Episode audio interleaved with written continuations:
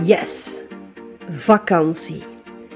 Tijd om op te laden en eens zalig niets te doen. In tegenstelling tot de normale afleveringen gaan we het nu eens niet over tijd hebben. Want zeg nu zelf, wat is het heerlijk om de tijd eens helemaal te vergeten. Waar ik het wel over zal hebben? Laat je verrassen en ontdek het in Office Coffee Summer Edition. Oh, help! Nog 14 dagen te gaan en het einde van de vakantie is al daar.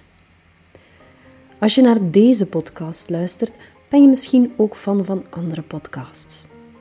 Ik ben gek van podcasts.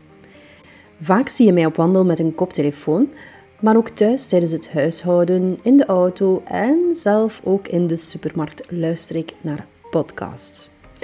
De onderwerpen waar ik vooral naar luister, dat is marketing, business en mindset. Maar in de vakantie mag het een beetje minder zwaar. Vandaag wil ik mijn drie favoriete podcasts delen voor op het strand of in de tuin in de hangmat. De eerste podcast waar ik echt heel graag naar luister, en dat is meestal met mijn oudste dochter terwijl we in de auto zitten, is de Volksjury. Silke en Laura delen elke aflevering een true crime story, met vaak ook daarbij hun ongezouten mening erbovenop. Ik moet zeggen dat ik van een aantal zaken echt wel kippenvel gekregen heb. En toch luister ik er graag naar. Daar zit mijn true crime interesse waarschijnlijk wel voor iets tussen. Misschien weet je dat, maar ik heb het ook nogal voor nutteloze weetjes. De volgende twee podcasts zijn dan ook spek voor mijn nieuwsgierige bek. De eerste is De Wereld van Sophie. Het is een podcast van Radio 1 waarin de aflevering van De Wereld van Sophie wordt samengevat. Elke aflevering behandelt een thema, zoals bijvoorbeeld wat is het nut van een dagboek of de kracht van geluid. Al die kleine levensvragen worden onderzocht met de zachte stem van Sophie Lemaire. Zeker een aanrader. De tweede is een snelle geschiedenis.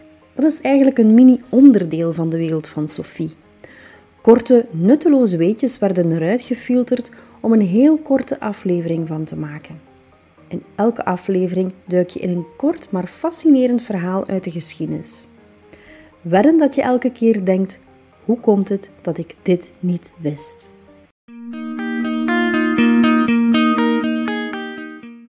En last but not least zijn we hier ook thuis heel erg fan van de Geluidskluis. Dat is een podcast van het Geluidshuis, maar met één aflevering maar.